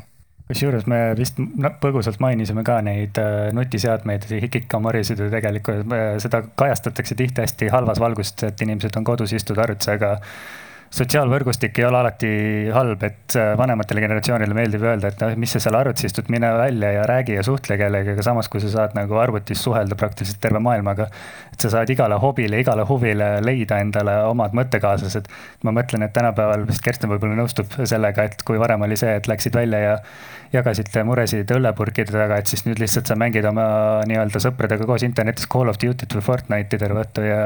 minul on bännitud arvutimängud arvutist õnneks sest muidu ma läks kõik perse aga subkultuuride arengus on äärmiselt tähtis olnud internet läbi aegade kindlasti, sest et see protsentuaalselt, kui palju igas riigis mingeid inimesi on, et moodustada mingit kriitilist ruumi, kus saaksid tekkima omad nagu väärtused kultuurilised. sellele on tohutult kaasa nüüd muidugi internet natuke see meemikultuur aitab ka, et sa leiad omale mingi kuuluvuse või mingis noh, et ütleme, vaimse tervise meemid on, on päris populaarsed sellele, et inimesed leiavadki, et, et oh, et mul ongi see probleem või et noh, et ma täiega relate in selle meemiga.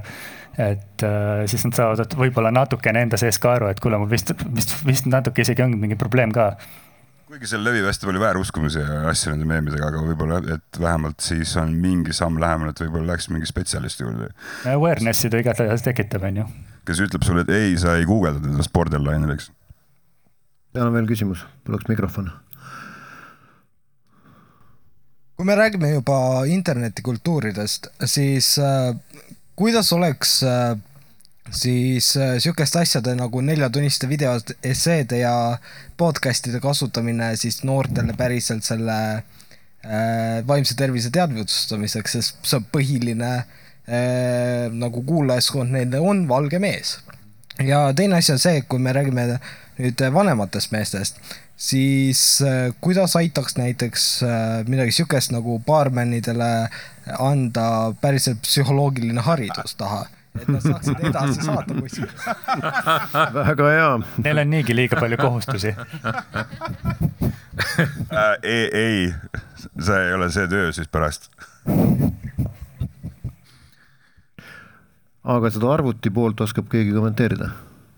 Ma iseenesest nõustan kogemusnõustajana mitte ainult seda nagu fibromeelgiaga inimesi, vaid äh, kuna ma olen äh, kaheaastasest saadik arvutimänge mänginud ja ma sidusin selle oma magistritööga ja siis tegin sellest oma nii-öelda kultuuriruumi.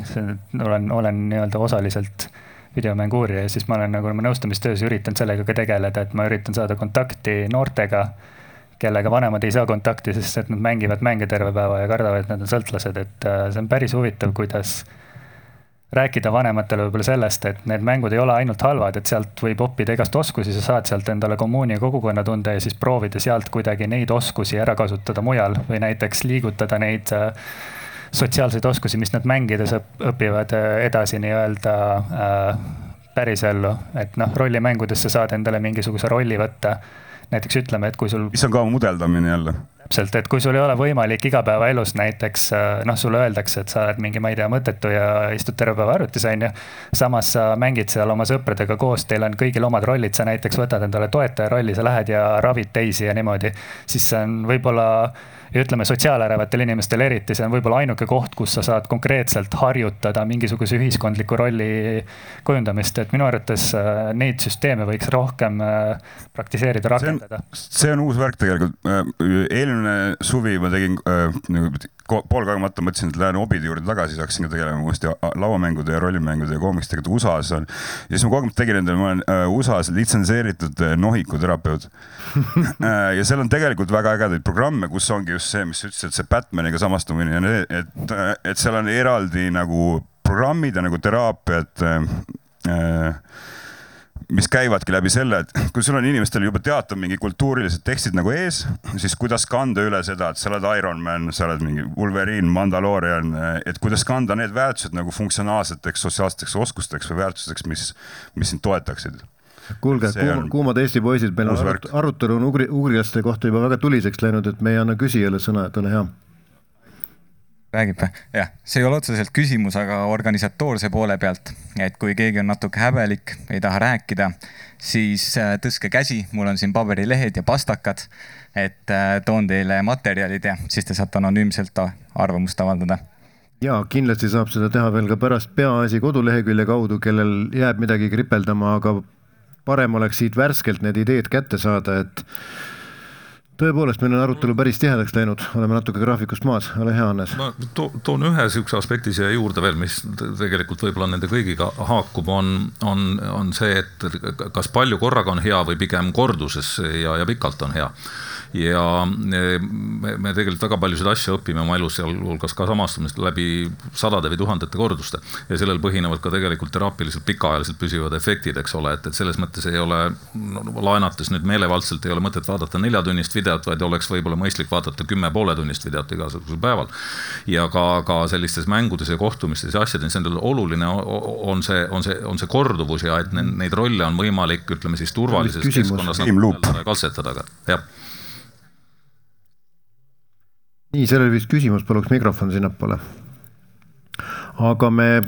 mis sinna paberitele peab kirjutama? ettepanekuid, mida teha?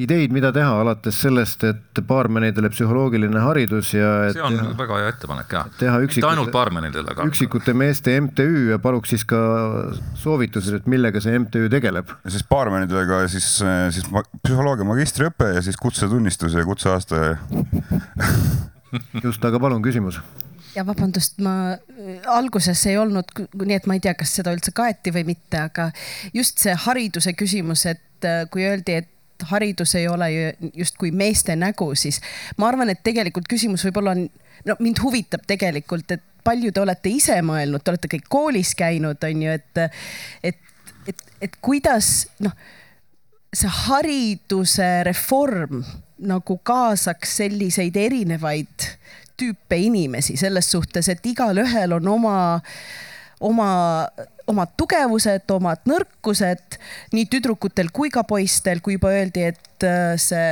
äh, mis oli see ADHD või, mis on meestele rohkem nagu äh, diagnoositud, on ju. selles suhtes see ei tähenda seda, et inimene ei, ei, on rumal kuidagimoodi, tal on lihtsalt vaja nagu mingit oma lähenemist nagu haridussüsteemis selles suhtes, et, et et kas me ei arva, et meie koolid on kuidagi mingisugusest liiga aegunud süsteemist nagu ikkagi kinni, mis tegelikult ei tööta, ei noh, ta on nagu ühte nägu, ta kuidagi ei ole piisavalt paindlik. Ja siis noh, minu küsimus on näiteks see, et noh, mul on kolm poissi ja ma saan aru seda, et mul on väga oluline see, et et äh, kui mina midagi ei märka, et kool märkab, et õpetaja märkab ja ma saan aru, et seda on väga palju nõuda inimeselt, kes võib-olla isegi ei saa keskmist Eesti palka, onju. selles suhtes, et, et noh, siin on nagu see, see asi ei ole lihtsalt see, et toome rohkem mehi nagu kooli, et see on nagu nii suur süsteem, mida vajab reformi ja, ja mind huvitabki, et kust, kas on üldse huvi riigil selle vastu või ei ole? ma võin, kas ma võin vastata korra? et äh, et ma bakalaureuse ajal võtsin haridusfilosoofia, pakkus mulle huvi ja mul oli päris palju asju, mis mulle kooli juures ei meeldinud ja siis ma mõtlesin, et ma natuke nagu tegeleks nende ideedega. Ja selleks hetkeks, kui ma neli aastat olin bakalaureust ära teinud ja lõpetasin ära, siis ma sain teada, et kõik need asjad, mis ma tahtsin ära teha, on tegelikult juba ära tehtud.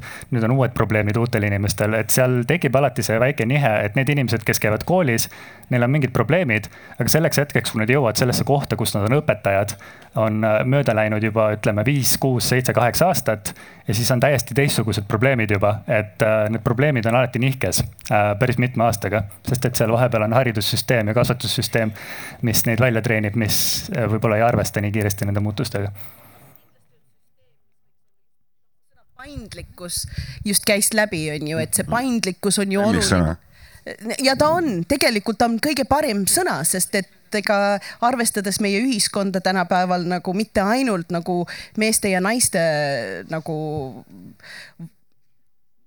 noh, vinklist, siis tegelikkuses see paindlikkus peab ju olema, kui me tahame seda pakkuda kõikidele oma ja eriti meestele on ju, kes noh, on ilmselgelt väga haprad. kas see nõuab kõik? Bruce Lee tuleb tagasi tuua lihtsalt nagu, see on kõige suurem kaotus meie kultuuril on see, et inimesed on ära unustanud Bruce Lee, kes tuleb, ütleb, et be water, my friend igivana hariduse küsimus, kes kasvatab last, kas kool või vanem, et lapsevanem äh, toob, äh, kool ütleb, et laps ei oska käituda, siis lapsevanem ütleb, palun kasvatage teda siis onju. et, äh, et see tegelikult on sihuke jagatud, jagatud roll, see ongi hoolivust. ma arvan, et tulebki just hoolivust ja nagu oma keskkonna eest hoolitsemist tuleb õpetada, sest et on ka palju neid nii-öelda poisilikke mehi, kes äh, tulevad kodunt ära ja siis äh, ei hoia kodu korras ja ei oska nagu hoolitseda mitte ainult enda eest, vaid ka oma kodukoha eest. pluss üks. No täpselt on ju, et, et, et see on ikkagi mingi väärtus, mida ei, me ei peaks ainult tüdrukutele õpetama, vaid tuleks tegelikult nagu uniseks eksaamin algab oma toa kordategemisest. ei, sinna me ei lähe, palun. seda, sellest mehest me ei hakka rääkima siin. kas meil järgmine küsimus on ka kooli teemal või ma võiksin korraks selle kooli teema kokku võtta siin, et kas oli ka mingi konkreetne ettepanek, sellepärast et kindlasti siin on arutelusid olnud nii kooli kui riigi kohta eraldi, nii et siin ei ole õige koht küsida, mida riik sellega teeb, me vist keegi, ei, sina oled riigitööl? mina olen riigitööl, jah. ma olen ka nüüd riigitööl, tuleb välja. No siis te oskate öelda, mis riik peaks tegema, aga kas oli no ettepanek ka või? okei okay,, sain aru, sest me oleme sellest natukene rääkinud ja tõdenud, et tegelikult haridussüsteem iseenesest on ka juba natukene nagu millegi tagajärg et ta ei ole otseselt põhjus, ta on see, mis küll mõjutab, aga sellel on omakorda veel mingisugune muu põhjus kuskil mujal. aga anname järgmisele küsijale sõna. ja tegelikult äh, juba öeldi ära, et mina tahtsin ka kohe siin võtsin sabast kinni ka kolme poja ema, et äh, ja peaasjades tegelen haridusteemadega, et, et mulle ka väga kõnetas, üks on see paindlikkus ja teine on hoolivus ja, ja ma ei ütleks, et seda peaks ainult õpetama meessoost inimestele, vaid tegelikult Eestis üldse on hoolivuse ja märkamisega vaja tööd teha ja koolis eriti just see, et jah, et me märkaks seda erinevat poissi ja me märkaks seda erinevat tüdrukut ja me oskaks nendele läheneda just nende vajadustest äh, lähtuvalt. ja jah, ja üks mõte, mis mul nagu veel tekkis, oli siin ennem juba oli, oli see küsimus, et ähm, et ma käisin seal meeste tervise arutelul ka ja seal tegelikult ka nagu lõppes see tõdemusega ikkagi see, et, et mis on need ootused, mis me paneme nendele noortele meestele ja poistele ja et, et kui kõrged need siis tegelikult on ja mis, kui, kui mõnes mõttes eksitavad need on, et mis me, mis me ootame inimestelt. mulle väga meeldis see mm, mõte just, et, et tegelikult ju on tegemist inimestega, kellel on tunded, ükskõik kui sügavasse nad on ära peitnud need siis päriselt. väga hea, aitäh. tundub. aitäh, suurepärane, see oli väga hea küsimus, sellepärast see kinnitab, et me oleme suutnud auditooriumi mõttekäike ette prognoosida, see on meil isegi kirja saanud ettevalmistuste käigus. ehk et meeste sõnavaras hoolimine ongi äh, kaitsmine, seesama, millest Kersten rääkis, et seisad nuiaga koopa suu peal, vaatad, et tiiger ei tuleks või tuleks. ei vahet ei ole mõlemad rääkisid sellest. selles mõttes kõik nad on seal. just, et keelest kui sellisest. just, aga et äh, sõnavaras äh, hoolimine ongi kaitsmine, et kui mees ütleb, et ta millestki hoolib, siis see on see, et ta äh, kaitseb, muretseb, võitleb, ehk siis nagu see on mehe arusaam hoolimisest aga see hea sõna tuli publikust, ootused, et see on võib-olla mingi asi, kust minna edasi, et, et mis on siis lõpuks need sotsiaalsed ühiskondlikud ootused mehele nagu?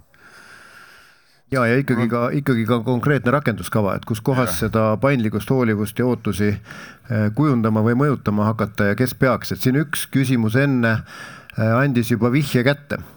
ehk et vangla on see koht, kus tegeldakse et nagu selles mõttes, seda koobast ei ole vaja enam nagu nuiaga nagu nii palju kaitsta, onju. mis sa siis nüüd teed? käid ringi, seemendad lihtsalt või?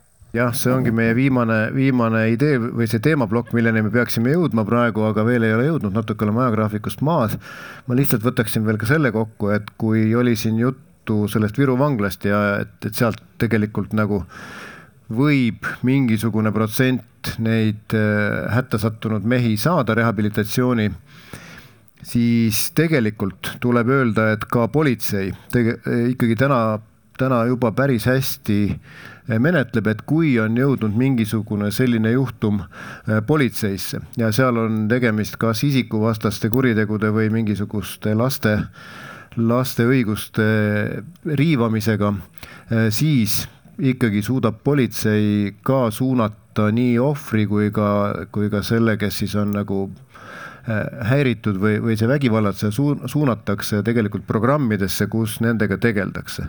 ja lõtk tekib sisse sealt, kus siis riiklik vaimse tervise süsteem ei suuda, ei suuda nagu neid menetleda, et kui on esialgsed juhtumikorraldajad on asja üle vaadanud, öelnud, et jah, siin on probleem, tuleb tegeldada, tuleb tegeleda, et siis nagu see päris reaalne teraapia või ravi võib-olla kipub lonkama, aga noh, politseil on meetodid, kuidas nad saavad järjekorras vahele et kui on tõsine juhtum, siis ikkagi jah, see on, see kõlab küll nagu võllanali, aga tegelikult, tegelikult need, kes juba jõuavad kuidagimoodi sellesse õigussüsteemi, need saavad kiiremini ja kergemini ja, ja tihti ka sundkorras abi. aga, siin oli küsimus tärkas sellest jutust üks soovitus, ma käsi südamel ütlen, et ma ei tööta peaasjas enne seda soovitust mm. -hmm.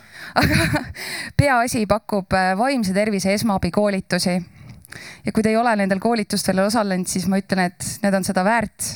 Ja igal inimesel, äh, kes kuskil töötab, tellige endale meeskonnale arendava koolitusena, kuidas vaimse tervise esmaabi iseendale anda, teistele anda, seda peres jutuks tuua. Et see on äh, koolitus, mis on seda väärt, ma tean, neil, neil oli eesmärk vist äh, saada päris suur hulk inimesi selle aasta lõpuks vaimse tervise esmaabi andjateks ka Eestis, nii et me saame aidata sellele eesmärgile kaasa, nii et peaasi.ee vaimse tervise esmaabi koolitus meile kõigile. Ja kui teil on fitness on teemaks, siis neil on ka vaimse tervise vitamiinid, mida sa saad tarbida, mis on tegelikult hästi asjalikud. Äh, olen isiklikult läbi proovinud, äh, töötab, ma olen rehabiliteeritud. Elan, äh, tulen vaimse tervisega toime. Nii, aga meil on viimane kümme minutit ja me peaksime selle, selle aja kasutama, kasutama siis päris nagu lahendusettepanekute sõnastamisele või, või ideede vormistamisele, mida saaks seesama peaasi veel juurde, juurde ellu viia ja nii-öelda tööversioonina me selle küsimuse sõnastasime tookord niimoodi, et mis päästab Eesti mehe suitsiidist? Eks, et mis need tegevused võiks olla või kuidas me, kuidas me jõuame selleni, et ei peaks päästjad pärast arutlema, et kas see oli päris õnnetus või see oli äh, teadlikult kujunenud õnnetus. et kas on äh, paneelis osalejatel mingisuguseid valmis ideid või tuleb kohe publikust, nii et hetkel ütleks siis, et nagu mikrofon on jätkuvalt vaba, kes tahab, kes tahab midagi lisada, võib kohe öelda ja võib ka kirjalikult saata, kui ei. Mehed, minge psühholoogi juurde.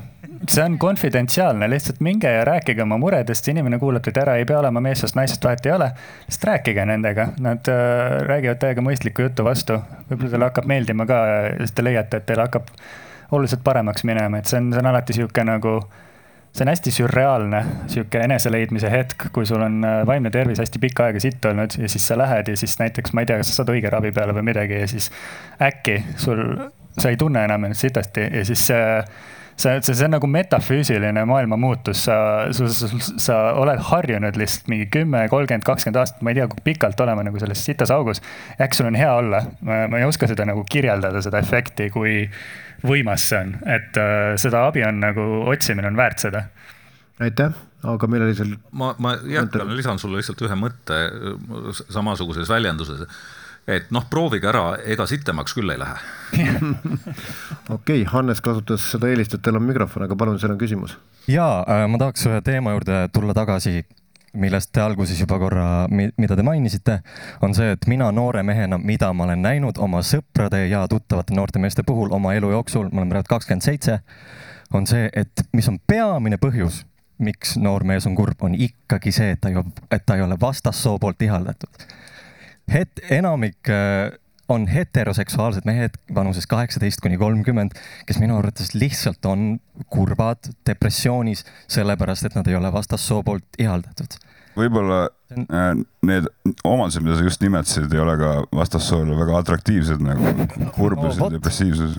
ja vot, aga mis noh, kuidas öelda, mina, lihtsalt see, mis mina olen näinud oma tuttavate puhul, on olnud see primaarne põhjus see läheb üle nagu. ma ei tea, kuidas, ma ei tea, kuidas seda laiemalt äh, lahendada ka, nii et. see läheb, see läheb üle ühel hetkel, laulusõnad ütlevad ka, et igaühe jaoks on kuskil keegi. varem või hiljem ta tuleb. isiklik kogemus. seal on küsimus okay ja üks ettepanek ka, et Küllimäe taustalt äh, sotsiaaltöötaja, et siin oli juttu, et koolis võiks õpetajaid rohkem olla mehi, aga et see kogukonna tasandil aitamine või naabruskonna tasandil aitamine, et siin meil oleks ka mehi vaja ja teistsugust lävenemist hoopis. et see sotsiaaltöö, kus on liiga palju naisi, siin võiks olla rohkem tasakaalu ja ka see töö, sotsiaaltöö, mis me teeme kohalikus omavalitsuses või paremal ja kogukondadega, ka kohalike kogukondadega, et seal on ju tohutu ressurss, et äh, meestel on igasugu tugevusi, et üks asi, et mehed tahavad olla naiste poolt armastatud, aga et nad tahavad teha ka mehelikke asju, lahedaid asju. et see sildade ehitamine, et meeste kutsumine, kui neil on raske, ei ole tööd võib-olla või abielu on purunenud, et kutsuda nendesse kohtadesse, kus nad saavad nagu ma ei tea, paate putitada, autosid, mis neil siis parasjagu on, see nende tugevus ja kirg, et selle kaudu viia nagu muremõtetelt nagu, et nad on vajalikud ja saavadki kaitsta meid ja kogukonda ka. siin on, tuleb välja üks, meil on tegelikult saladus siin paneelil. me tegelikult oleme rääkinud ajast maas, sest et siin praegu tuli välja üks tähtis teema, mille, millest me oleme ajapuudusel üle sõitnud, on see, et meestel on vaja missiooni mm. -hmm ja see on üks tähtsamaid asju, et sul peab olema suund elus, muidu sa oledki jah. jah, see ja enamasti käib see läbi konkreetsete tegevuste ja sellel võiks olla nagu väljund ühiskonnal, eks ole, et, et, et selle autoga noh, peab vähemalt saama noh, võib-olla kedagi sõidutada pärast ka või midagi taolist. väljund kogukonnale, et sa tun-, ta tunneb, et et noh, ta ongi see kaitsja ja oluline kaitsja, ükskõik, mis meil oma kogukonnas ja noh, kogukonna tähendus on see, et palju rohkem kui see ei ole, ma ei mõtle kohalikku omavalitsust, et sotsiaaltöö mõte tuleks ümber mõtestada väga hea, täiesti ehteestlaslikult tuli see arutelu. moderaatorina on mul kurb öelda, et meil on veel neli minutit jäänud ja tahaks igale panelistile ka korraks sõna anda, aga et kas on publikust veel äh, sealt, palun. oli seal ka veel? kaks ja paluks ma arvan, et äh, väga tähtis roll on ka mehe perekonnal, et, äh, et, et nagu, et naine julgustaks meest olema noh, jah. absoluutselt, siin me peame er-, eraldama veel ka päritolu perekonda, praegust perekonda ja siis äh, laste, laste perekondi ja tänapäevast kärgperemudelit, et see teema läheb ka väga pikaks, aga palun, seal oli veel üks küsimus. ei, nüüd juba tuli vahele siin oli küsimus ootusest mehele ühiskonna poolt. et äh, ma usun, et ühiskonnas on kasu sellistest inimestest, kes on leidnud rahu iseendaga ja kes on saavutanud nii-öelda sisemise tasakaalu, mis noortel kõige rohkem kipub varases eas käest minema aga nendel on raske pöörduda sellisesse instantsi nagu psühholoog või vaimse tervise keskus. Need võiksid olla sotsiaaltöö mõttes niisugused tasakaalukeskused, kus oleks siis multifunktsionaalne lähenemine inimesele, et need, kellel on midagi liiga palju, need saaksid seal välja möllata ennast. Ja need, kellel on midagi liiga vähe, neile antaks seal midagi juurde alustuseks elule. Ja siis, kui inimene suudab iseendaga leida rahu, siis ta suudab mõelda rahulikult, olla teiste inimeste suhtes nii meeldiv kui ka kasulik. aitäh aitäh, see kõlas väga nagu demokraatliku kooli idee, aga see on ka ühe teise aruteluringi teema siin. mul oli üks asi, mida ma tahan öelda selle noorte ja eneseleidmise kohta, et äh, jumala eest äh, ärge üritage noortele leida rahu, sest see on see, et kus te peaksite lihtsalt iseenda elu ära situma ja tegema neid vigu, mida hiljem võib-olla siis mitte teha, sest kui nüüd sa hakkad neid samu vigu tegema nagu kolmekümne aastaselt, siis need tagajärjed on nagu äh, karmimad. sul on mänguasjad kiiremad ja tugevamad aga aitäh, seal on veel üks küsimus, kommentaar. nimelt äh, ma tean, kui raske on nagu meestel nagu teinekord abi paluda, minna psühholoogi juurde, psühhiaatri juurde. Aga mul käes on nimelt üks lahendus. ma tean isegi, kui raske on meestel raamatut üleüldse lugeda, siis see on vaimse tervise kiirabi. päris hea lahendus. sellest on meil täna juba juttu olnud, aitäh, aga igal juhul see soovitus saab ka kirja ja ma nüüd tahaks küll paluda, et kõik paneelis osalejad teeksid oma, omapoolse järelduse või kokkuvõtte siit, aga kuna me oleme ajaga üsna lõhki, siis minutiga ühele. Lifti kõne ma olen poolteist tundi siin mõelnud juba selle peale, et äh, üks, üks asi, mis siit välja unistub, on seesama eeskujuks olemine, et siin räägitakse, et ütle teisele, tee seda, tee kolmandat. aga ma arvan, kõik algab meist endist, oleme eeskujuks ja alustame iseendast, tunnistame oma nõrkusi, tunnistame oma tugevusi, oma pooli, olgu need siis mehelikud või naiselikud. sellepärast ma ei pea seelikut selga panema, et mu naiselik pool on olemas. ja, ja, ja see ja teine asi võib-olla, mis on ka silma jäänud, see sähvimine, et äh, meil on kogu aeg kuhugi kiire, me kogu aeg toimetame toimetamine, toimetame, tahame kogu aeg olla kõige paremad. ja vist nagu vahepeal oleks vaja see juhe seinast välja võtta ja mõelda nagu elu üle järele, et peaasjale võib-olla soovitus, et vaadake, britid lubasid see talv neljaks päevaks voolu ära võtta, äkki töötab, saame me ka kasutada. kogu saarel siis väga hea, aitäh, me oleme siin viimane arutelu, nii et tegelikult me võime siin jätkata ka pärast ametliku osa lõppu, aga aga palun järgmiseks, kes? Meheks olemine noh, ei, ei, ei ole ju mingisugune selline jah, diagnoos või nagu nii edasi, et, et selle, selles väikses poisis on juba see mees ja, ja ka vanemas mehes ja, ja võib-olla natukene natukene küpsem mehena ma ütleks, et, et, et see, mille järgi mehed janunevad, on, on, on selline roll või, või noh, inglise keeles sihuke purpose või eesmärk või see, milleks ma elan, see tuleb läbi suhete, sotsiaalse aspekti ja kõige muu, eks ole. ja, ja tihtipeale nagu otsitakse, tormatakse mingites suundades, noh, et seda nagu leida, vahel ka päris nagu vales suunas. ja see, mida mina ka oma kutsetöös noh, ikka nagu püüan need mm, mõtted juhtida ka sinnapoole, et, et alati ei ole väga tähtis üldse tegemine, vaid palju tähtsam on nagu olemine ja seal veel slaš tasakaalus olemine. et see on võib-olla see selline oskus, mida saab eluaeg noh arendada, kunagi ei ole hilja. aitäh. mul ei ole aimugi, mida see lõppu hoida, see ootavad, väga ootamatu ülesanne nii palju rääkinud aga... juba, ma juba ütlesin, et minge psühholoogi juurde, aga hoidke ka ennast. ja hoolitsege, ma arvan, et see on lõppkokkuvõttes on tegelikult, kui ja sa teisi. nagu tegeled vaimse tervisega, siis äh, lõppkokkuvõttes elukvaliteet paraneb. siis saab igast, äh, kui sul elu on parem, siis sa saad igast muid asju teha, mis on lõbusad ja head, sellel läks väga ähmaseks kätte, ma lihtsalt ei oska ka lõpetada mina arvan, et meestel tuleb vist jalaga perse anda. nagu selles mõttes, et nagu ma mõtlen seda selles mõttes, et, et ei jääks asjad nagu viimasele hetkele, et, et tuleb push ida, kui ta ise ei lähe. et samamoodi me läheme nende lahendustega ka ju tegelikult noh, võime öelda igasugust teraapiat, mingeid sõnu ja asju, aga, aga mingi hetk need lahendused lähevad sinna auku, et naine võtab käe kõrvale, paneb talle kilekotti need kolm õlle sisse ja siis viib teiste poistega ööveldama kuskile kuuri, et noh, et et sihukest asja on ka vaja nagu. naine viib ka psühholoogi juurde, aga ma mõtlengi, et, et tegelikult meil tugistruktuurid on olemas, et äh, seda abi ei ole väga raske leida, kui sa otsid seda ja nende vanemate üksikute meeste jaoks ka Tartu kaks tuhat kakskümmend neli näiteks korraldab. mis, ma ei mäleta, mis selle projekti nimi on, aga ka üksikutele vanematele meestele sellist nagu jututuba või kokkusaamiskohta, kus saad heietada et äh, sellega tegeletakse tegelikult. ma saan aru, et psühholoogi juurde jõudmine on ikkagi keeruline, sest järjekorrad on pikad, aga lihtsalt võib-olla sihuke maast äh, maakalt maakala soovitus, et äh, rääkige oma sõbraga, olgu ta siis mees või naine, kaine peaga järgmine hommik on meeles ka, mis rääkisite. ja päriselt ka. väga hea, väga hea soovitus. rääkige tühjaks ennast ja kõik mäletavad järgmine päev. väga hea soovitus, aitäh. sellega me võiksimegi võtta kokku, ma tahaksin nüüd öelda, et me oleme juba üle aja ja kohe meil võetakse need mikrofonid ära, aga me võime seda juttu siin jätkata.